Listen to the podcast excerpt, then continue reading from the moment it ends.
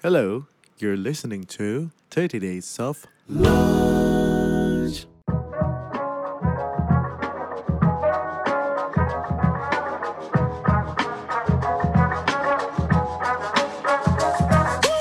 gaji level Jakarta, Kuwait, New York. Secara angka berbeda, tapi secara persentase value-nya tetap sama. Kami punya American Dream as an Indonesian. Karena gimana pun juga American Dream itu didapat dengan kontribusi dari berbagai bangsa. There's always Indonesian Dream in American Dream for us.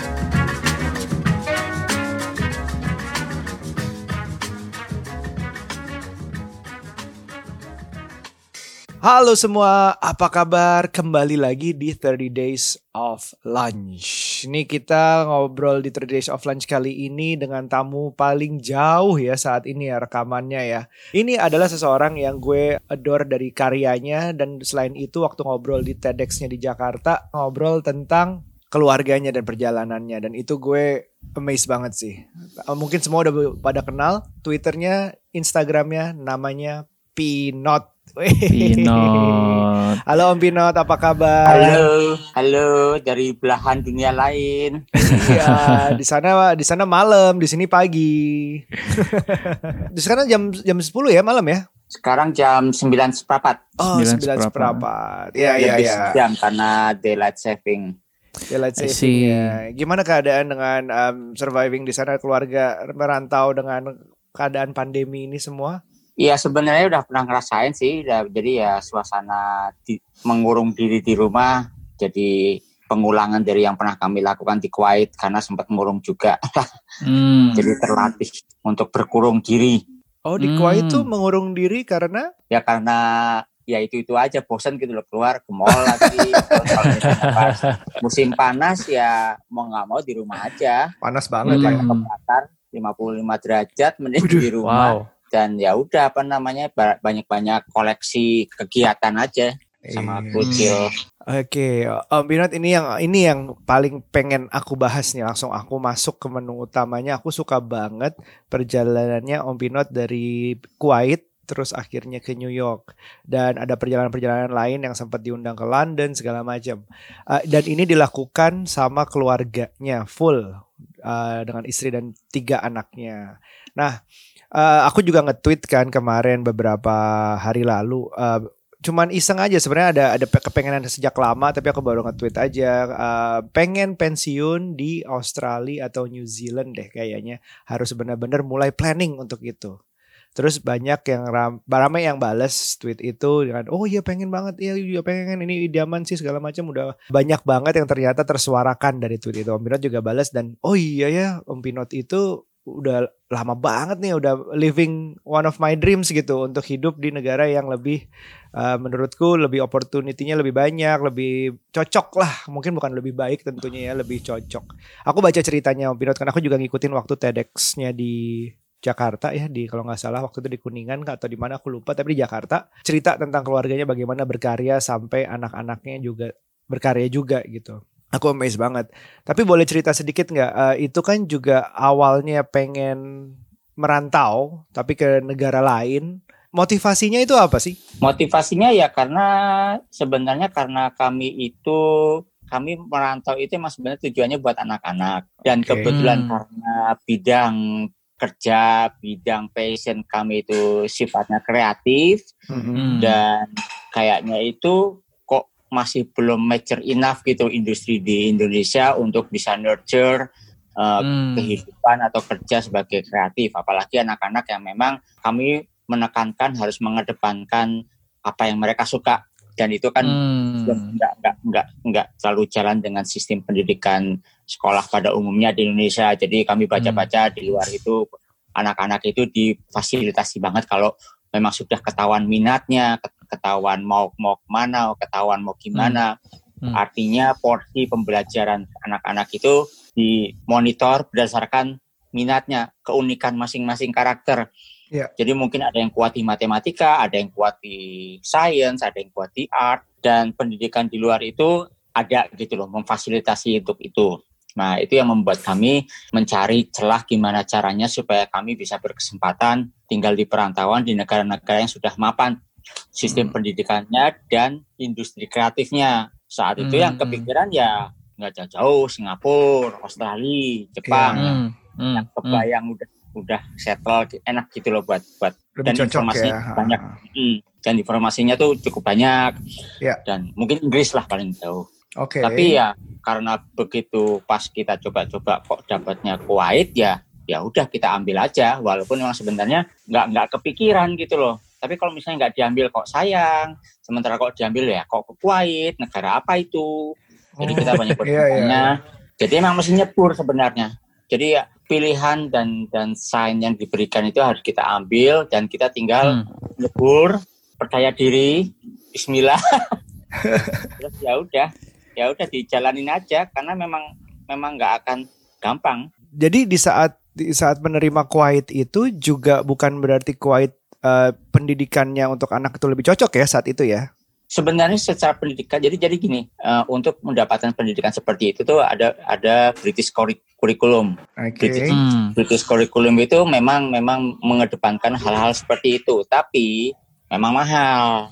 Oke. Nah, karena kami kerja di Kuwait, jadi kami bisa mencukupi, bisa tercukupi untuk biaya SPP, untuk untuk biaya Hmm. sekolahnya segala macam. Hmm. Jadi jadi jadi memang memang memang emang hanya itu usahanya itu nggak pernah mulus. Jadi kadang-kadang kita mesti belok dulu ke kiri, belok dulu Benar. ke kanan. Tapi Hmm. tapi selama buat anak-anak itu ya dibukain aja jalannya. Awalnya emang nggak Hmm. mungkin nih kita dengan gaji sekian bisa menyekolahkan dua anak sekaligus dalam sekolah yang sama. Tapi ya karena kita memang niatnya mau ke sana ya ada aja jalannya gitu loh.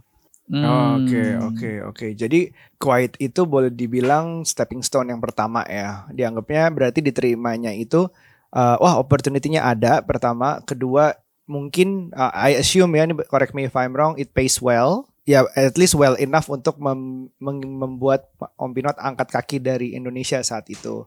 Walaupun misalnya masalahnya misalnya pendidikannya belum sesuai dengan yang dimau, tapi setidaknya itu jalan dasarnya. Aku pengen tahu deh kalau misalnya drive-nya itu kebanyakan orang ini kan tipis antara love or hate. Misalnya love or hate ke love-nya ke negara ke depan. Uh, negara depan ini gue mau banget nih, gue cinta banget nih. Kalau aku misalnya sama Australia sama New Zealand itu admire sama negara itu. Tapi ada juga sebagian nggak dipungkiri karena udah ada ketidakcocokan dengan negara ini gitu sedikit-sedikit gitu. Jadi sebenarnya motivasinya drive itu lebih baik atau lebih kerasa yang mana sih kekaguman antara misalnya kalau Om Pinot pendidikan buat anak yang dikejar atau memang udah "Ah, I had enough with this country mana driver yang lebih baik untuk melakukan tindakan ini gitu. Iya, sebenarnya lebih lebih cam- campur ya antara Ah. antara mikir strategis dan mencari siasat, tapi di sisi yang lain juga nggak nggak mikir terlalu terlalu muluk gitu loh. Jadi Mm-mm. jadi ada kombinasi antara rasa spontan dan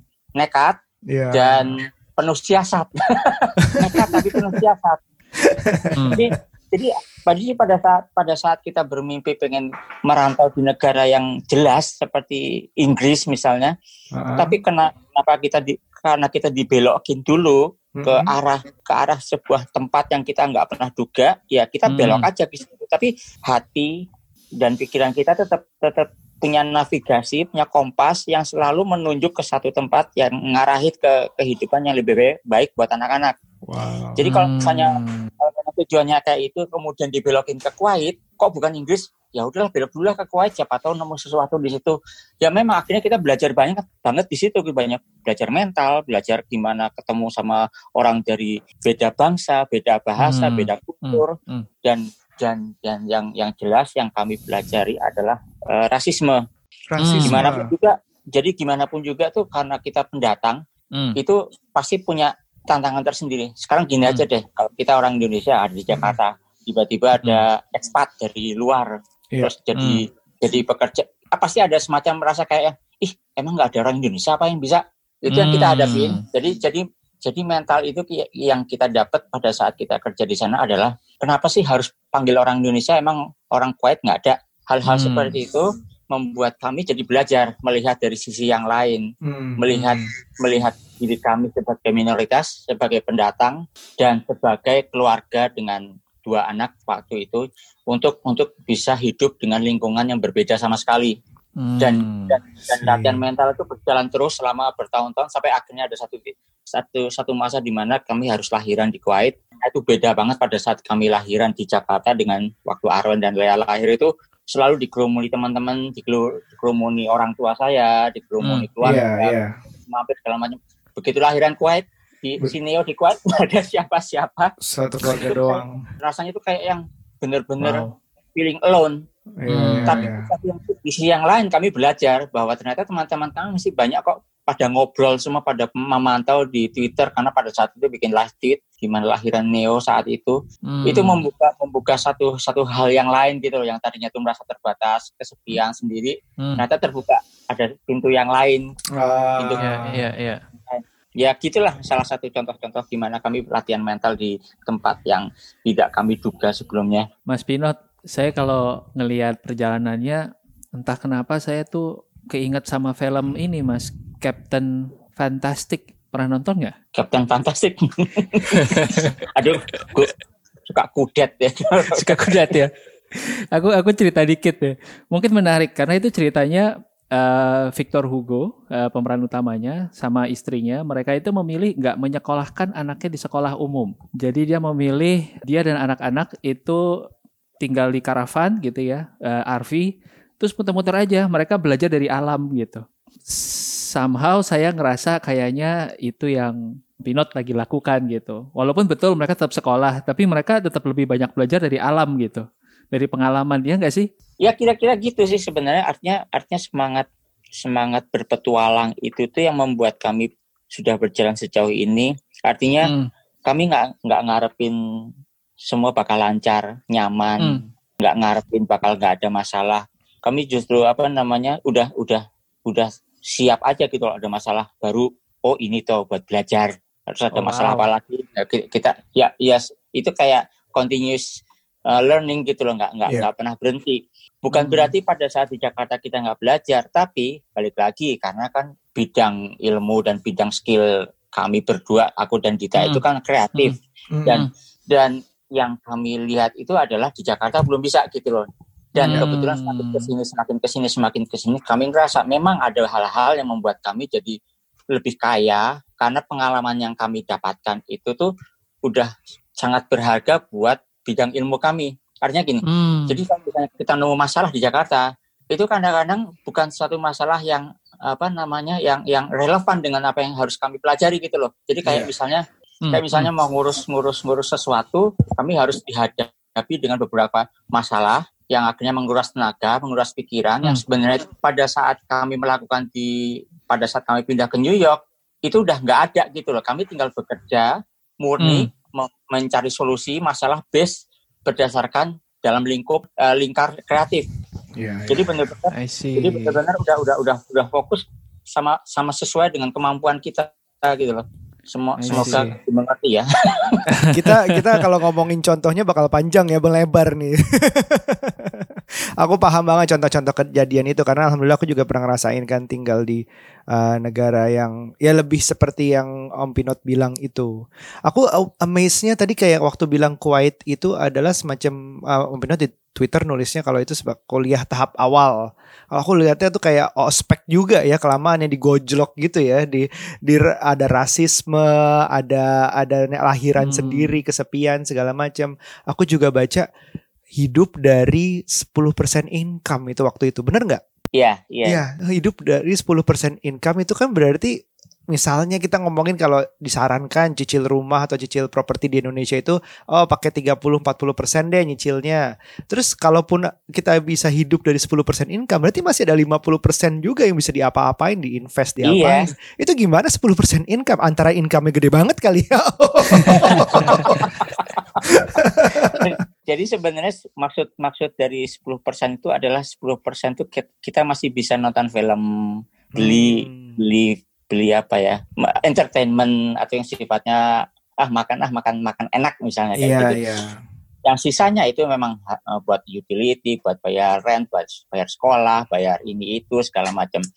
Jadi jadi kami juga memanage bahwa dengan 10% pun sebenarnya kita masih bisa hidup dengan dengan dengan Nyaman. cara yang yang apa yang yang apa ya istilahnya itu sesuatu hal yang sebenarnya mungkin nggak penting Hmm. tapi mungkin masih bisa dipakai misalnya 10% buat beli kertas, buat beli cat air, buat beli alat gambar, buat beli kamera, buat eksperimen, buat berkarya, investasi segala macam. Hmm. Nah, itu tuh itu itu itu kami kami tetap bawa persentase itu bahkan sampai pada saat kami tinggal di New York pun masih kami bawa.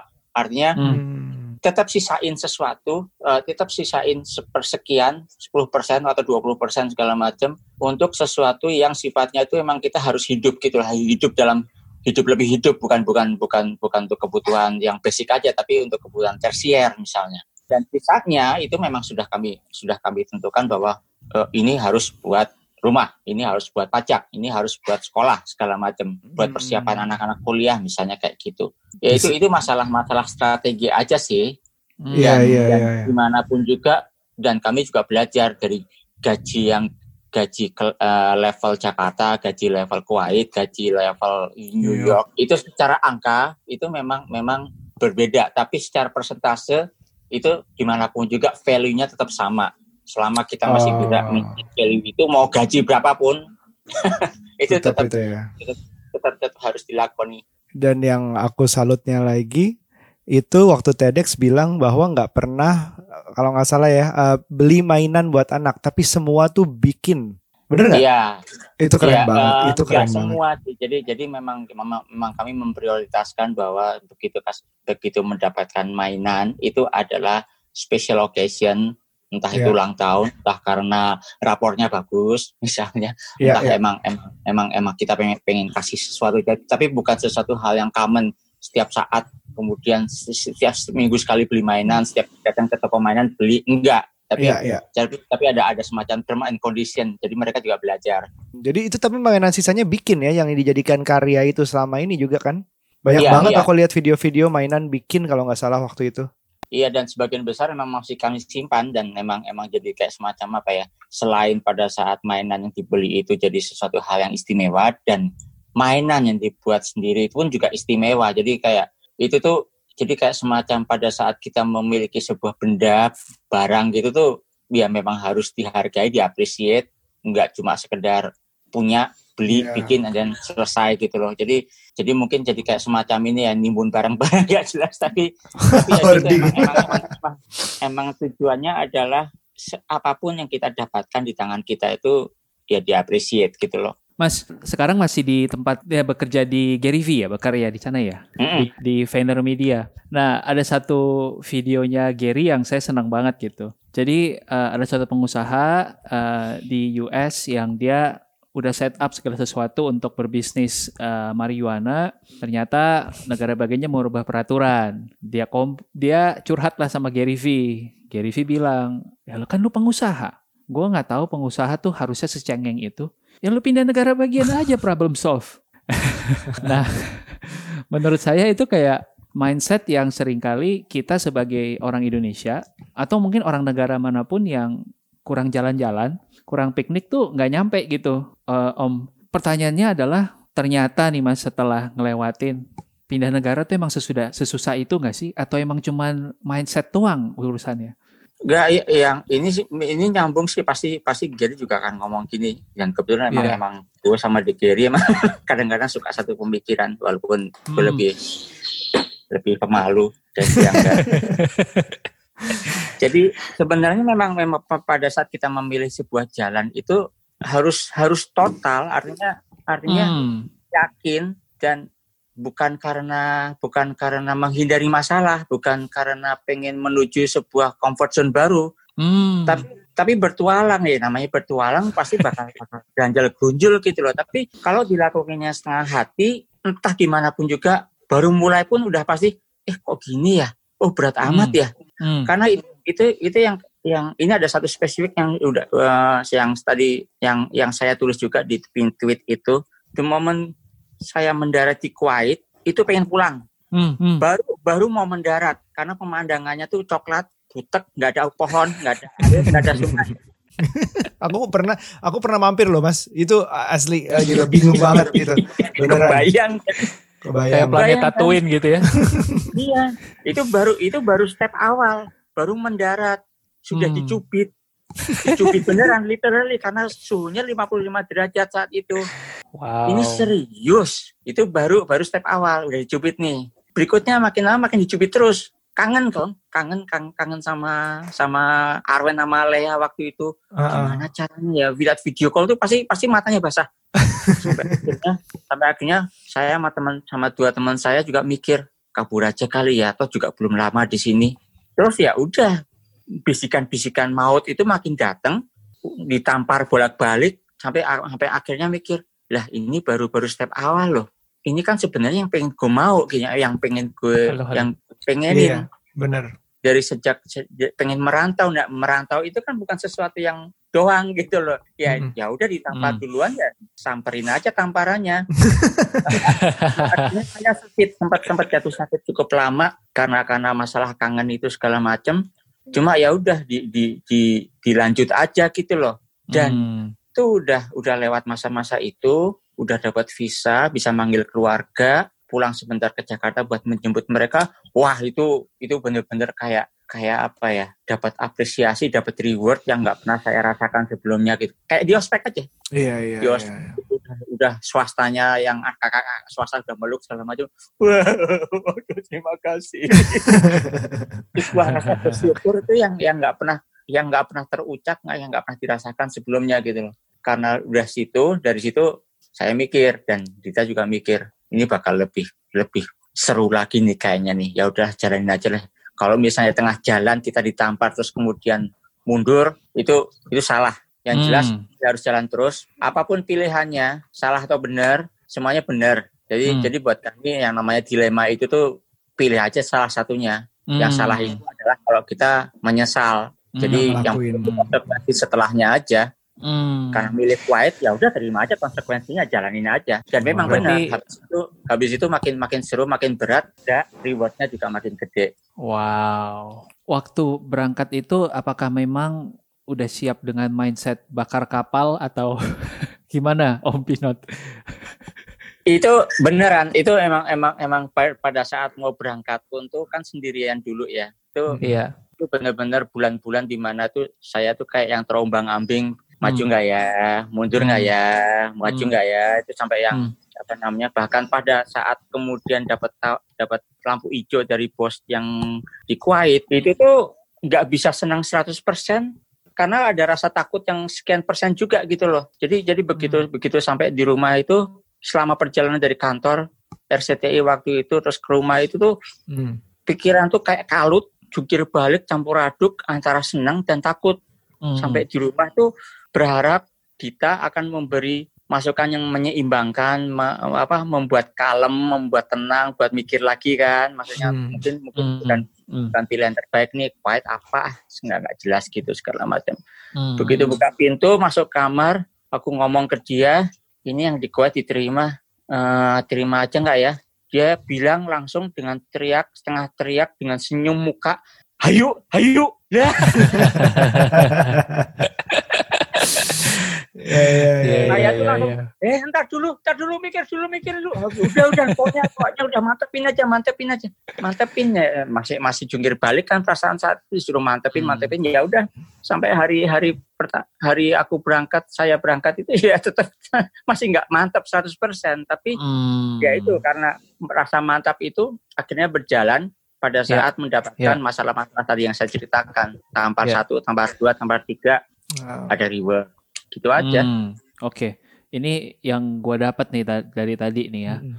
sebuah pembelajaran besar. Kalau kita maju menghadapi hidup dengan mindset petualang, itu emang udah siap dengan ya nanti pasti bakal ada masalah gitu. Tapi gue tahu setelah masalah itu lewat ada reward gitu. Iya, Um, dari reward. Ada sedikit mengingatkan saya sama em, kisah di Bojonegoro nih, Om Pinot. Apa itu? cerita sedikit. Eh, dulu kita sempat bantu pemerintahan sana sesaat gitu. Eh, ada satu event. Terus mereka cerita, mereka itu secara geografis emang pasti kena banjir gitu. Nggak bisa diselesaikan kecuali eh, membuat dam yang sangat baik seperti di Belanda mungkin. Nah, karena mereka punya keterbatasan itu, yang dirubah mindsetnya. Jadi, kalau udah musim memasuki musim banjir, mereka masang spanduk tulisannya "Selamat datang banjir".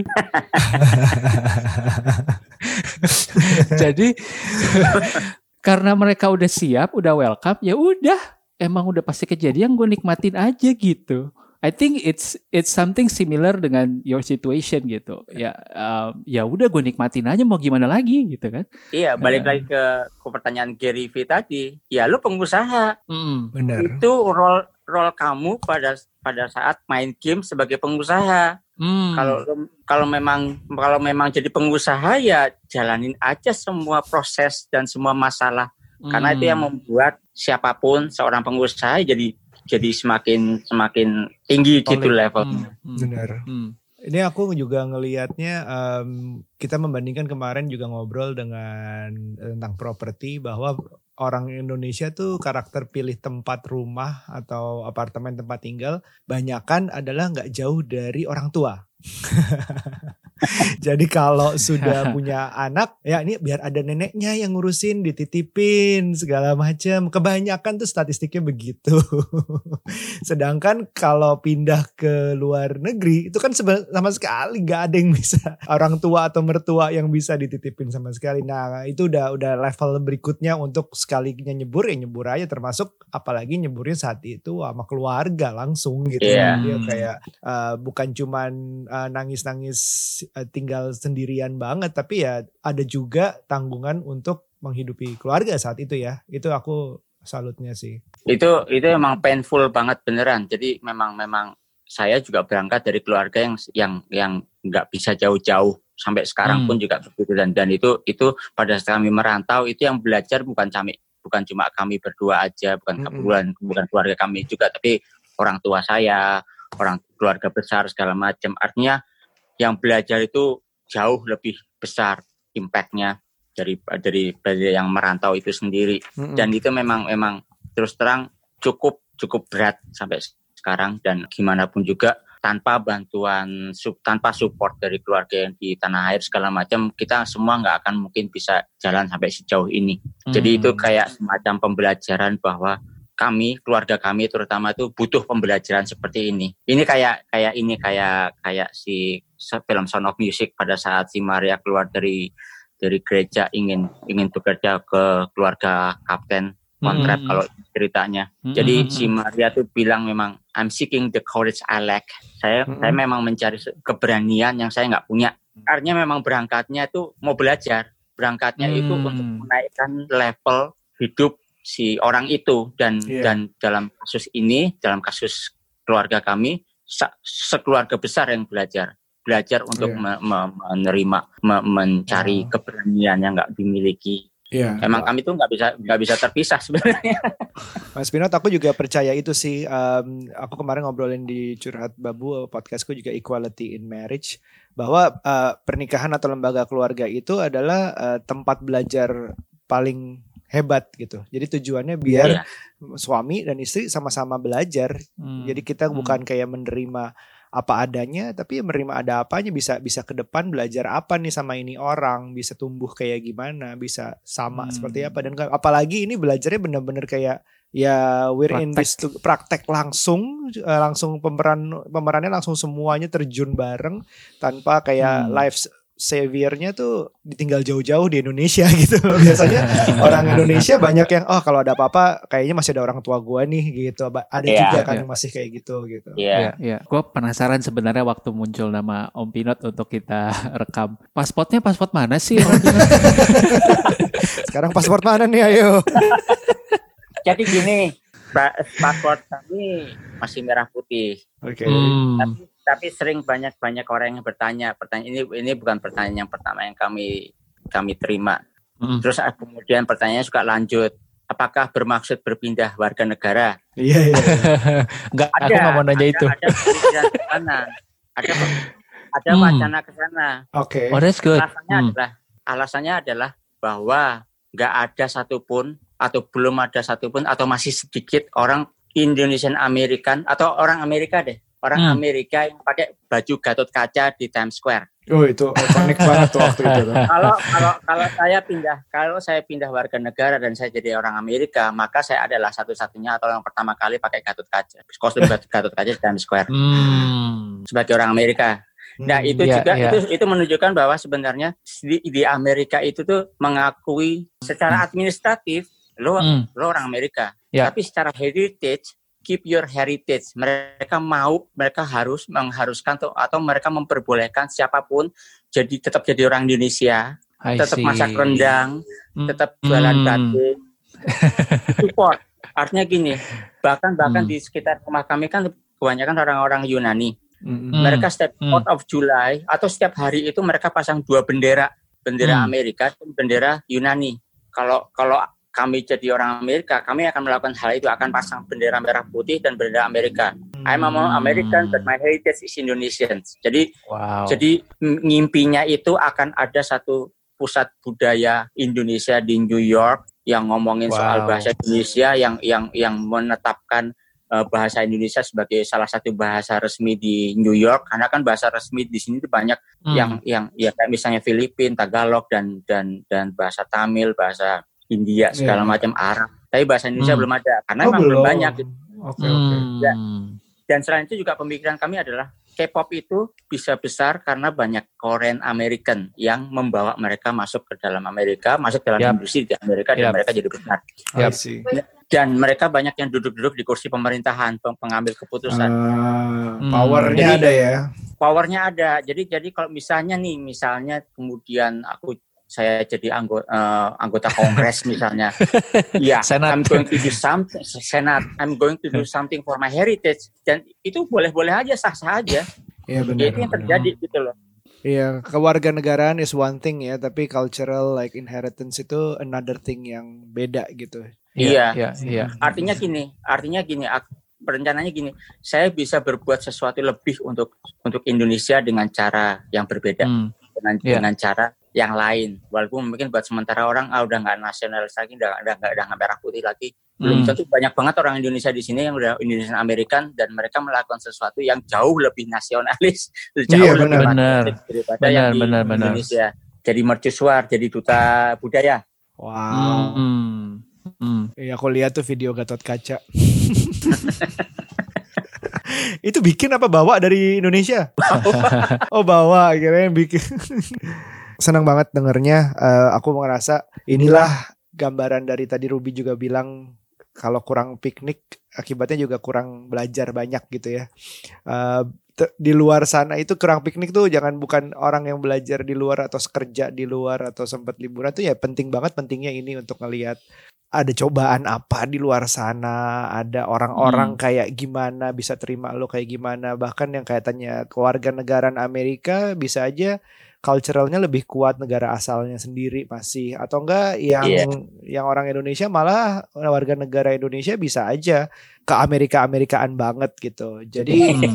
keragaman orang itu benar-benar harus dilihat kalau menurutku ya dengan traveling, dengan melihat dunia bukan untuk berubah jadi orang ngikutin Hmm. orang mana, tapi lebih ke arah Ya. kayak lo harus lihat dulu at least awalnya adalah belajar tahu dulu ngelihat ada apa aja baru lo Hmm. bisa menentukan ya gua apa sih seperti apa gue sih gitu. Hmm. Iya, memperkaya diri. Hmm. menemukan diri ya. Eh, Om Pinot waktu berangkat ke Kuwait atau ke New York, apakah sempat eh, punya pemikiran bahwa seperti Aryo, ini tempat saya nanti akan retire atau atau memang berjalan dulu seiring perjalanan baru menentukan itu? Gitu. Aku dan Dita sih sebenarnya lebih ngelihat air ngalir aja ya. Hmm. Dan dan dan soal soal apakah pensiun itu ada di mana itu belum kepikiran karena memang belum mau pensiun. Hmm. Jadi mungkin aja pensiunnya bisa di New Zealand, siapa tahu Hmm. pensiunnya juga ada di sini atau malah mungkin pensiunnya ada di Indonesia, nggak pernah tahu. Tapi Hmm. gini, karena karena kami masih diberi kesehatan, Hmm. walaupun umur tidak lagi muda, kan, ya, kan masih kesempatan kerja, ya ya memang emang emang nggak ada tujuan untuk pensiun gitu loh.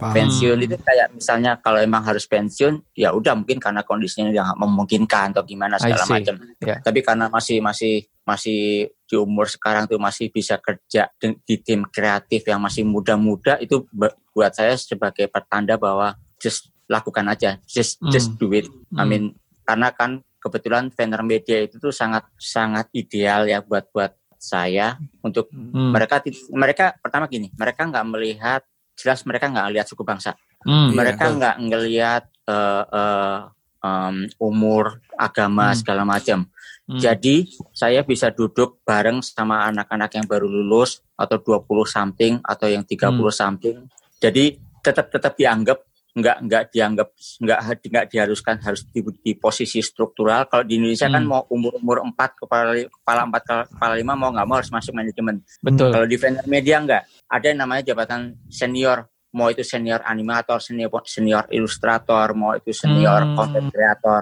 Secara secara secara penamaan itu memang tidak ada posisi kuat di dalam manajemen, tapi secara benefit, secara dan balik lagi ke salary itu setara dengan yang manajemen, setara dengan uh, creative director. wow. Karena secara pertanggungjawaban juga sama.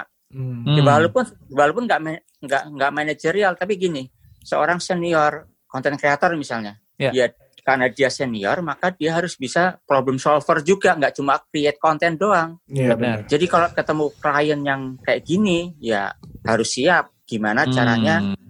Mencari solusi membantu si klien bukan udah udah udah bukan saatnya untuk bisa komplain gitu loh. Kalau masih komplain juga ya berarti junior. Nah kalau senior I itu artinya juga memberi masukan kepada eh, mereka-mereka yang levelnya selevel dengan saya untuk bisa obrol cari solusi Hmm. diskusi debat atau Hmm. atau something beyond. Ya hal-hal kayak gitu yang yang yang masih yang yang ada di vendor media. Jadi jadi untuk kata pensiun itu sendiri begitu pas masuk vendor media jadi hal yang ntar aja deh lihat nanti aja.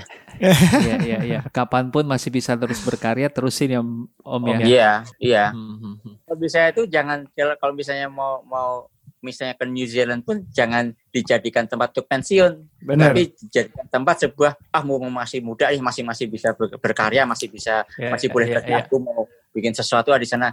Karena kalau udah tujuannya pensiun sampai sana mandek saya Iya. ngapa-ngapain. Bener bener bener. Mindset petualang tadi. Om, di episode podcast kita sebelumnya kita sempat ngobrol sama eh, Dian Sastro soal Indonesian Dream. Bahwa di luar tuh kita mendengar American Dream. Wah, kayaknya kebayang ya. Wah, white picket fence, a house yang kayak gini gitu. Terus ya kayak lagunya Jay-Z lah, if you can make it in New York, you can make it anywhere gitu. Nah, Yeah. sekarang Om Pinot punya kesempatan merasakan quote unquote the American dream at the same time orang Indonesia juga gitu. Eh, menurut Om Pinot apakah kita bakal punya Indonesian dream versi kita sendiri atau gimana or are you already living it? Ya gini, jadi sebenarnya American Dream itu setelah kami sering dengar, setelah kami sering ngobrol dengan orang-orang di sini segala macam, American Dream itu datang dari berbagai suku, bangsa, dari berbagai negara, berbagai daerah, berbagai pulau di tempat lain di Hmm. luar Amerika. Artinya yang datang ke sini itu sudah punya American Dream sebagai seorang Irish, sebagai orang Italy, sebagai Hmm. orang Arab dan datang ke Hmm. sini tuh I'm going to do something better for my life and Hmm. my community. Itu American Dream. Hmm, Jadi buat kami itu cocok banget buat kami. hmm, Aku melakukan eh, kami punya American Dreams as an Indonesian. hmm. Karena karena gimana pun juga American Dream itu di- didapat dengan kontribusi dari berbagai bangsa. Jadi kalau misalnya kita ngomongin Indonesian Dream, kita aku nggak tahu, saya nggak tahu konteksnya. Artinya artinya gini, kalau misalnya itu hanya Indonesian Dream itu hanya dilakukan oleh orang Indonesia sendiri, eh purpose-nya apa dulu? Konteksnya Hmm. gimana? Karena gimana pun juga buat kami beda lagi. Karena Hmm. kami udah nggak berpikir setelah lokal Hmm. kami nggak mikir rumah lagi kami, kami tetap tetap tetap mikirin rumah kami tetapi tetap berpikir tentang Indonesia Hmm, tapi perspektif perspektif kami itu udah lebih luas gitu loh jadi hmm. jadi kalau kalaupun misalnya ada Indonesian Dream menurut saya harusnya jangan berpikir secara lokal kalau misalnya Indonesian Dream bisa dilakukan bareng dengan American Dream ya berarti sync dengan dengan apa yang kami dengan kami, apa yang kami pikirkan karena gimana pun juga there's always Indonesian dream in American dream for us. Jadi jadi tujuan jadi bermimpi tentang tentang tentang tentang sebuah Amerika yang lebih baik aja baik itu adalah kami sebagai orang Indonesia kami contribute something to I America see. Wow. dan Hmm. dan dan itu sendiri artinya gini bukan nggak mungkin misalnya satu saat nanti presiden Amerika pakai batik. That's American Dream. Hmm. Nice. Bisa ada bahasa oke. Indonesia, Oke. bahasa resmi di New York di di di tempat di, di subway misalnya di sign system iya. itu American Iya. Dream kami. Wow. Ya salah satunya kayak misalnya pakai baju Gatot Kaca tiap Halloween itu American Dream kami. Hmm.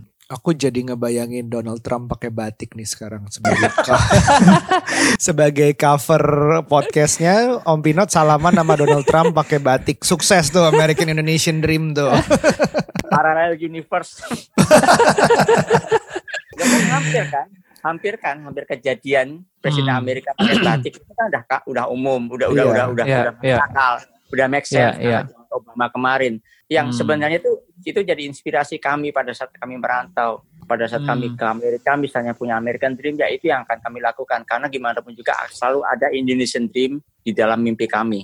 Hmm. Ya, ya, ya. Wow, wow, that's deep. itu menambahin kalau misalnya tentang Hmm. Indonesian Dream itu kalau misalnya hanya berpikir bahwa mung- mungkin mungkin memang PR-nya masih besar ya karena memang rakyat Indonesia masih banyak yang harus di harus di, di- dibantu dari segi Hmm. kese- kesejahteraan dan pendidikan segala macam. Hmm. I- Itu memang itu PR terbesar di Indonesia. Hmm. Itu mungkin Indonesian Dream yang paling masuk akal yang paling yang paling eh, realistis untuk saat ini. Hmm. Tapi kami ke- kesejahteraan dan kependidikan Indo- orang Indonesia itu selama ini masih masih berkutat di tempat yang sama karena berthinking lokal karena karena sifatnya selalu lokal. Hmm. Jadi jadi Paham. balik lagi ke masalah eh, mindset. Jadi Hmm. mindsetnya itu selalu eh, tentang masalah yang ada di situ gitu loh. Masalah masalah yang ada kayak kayak misalnya Bojonegoro dengan banjirnya ya masalah yang di situ aja. Kalau misalnya kemudian mereka mencoba melihat dari sisi yang lain, mungkin mungkin mungkin pada saat sebagai orang Bojonegoro akan melihat kalau solusinya kayak dam di Belanda mahal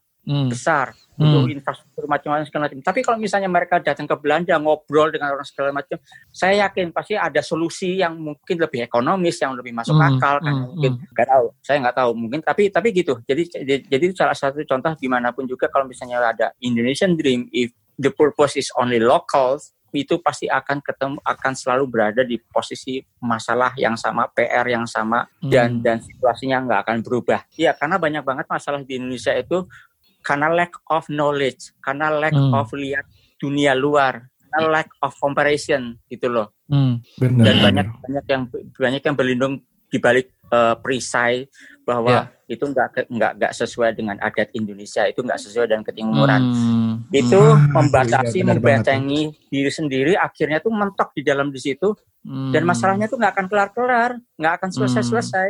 Hmm. Iya, Hmm. ngotakin berarti mindset bukan- sendiri ya. Iya, bukan berarti bukan nggak nggak ada yang salah dengan budaya Indonesia, nggak ada yang salah dengan adat Indonesia. Tapi kalau misalnya digunakan sebagai perisai, sebagai pemakluman bahwa itu Hmm. cocok dengan Indonesia, then you won't, you will go nowhere gitu loh. Ya. Definitely. Jadi selama ini kalau pemerintah kita eh, studi banding ke luar negeri nggak bawa pulang apa-apa gara-garanya itu ya mas. Waduh, waduh.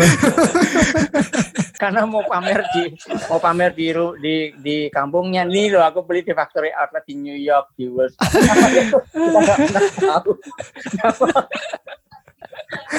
Eh, Iya, iya, seru-seru nih, seru nih.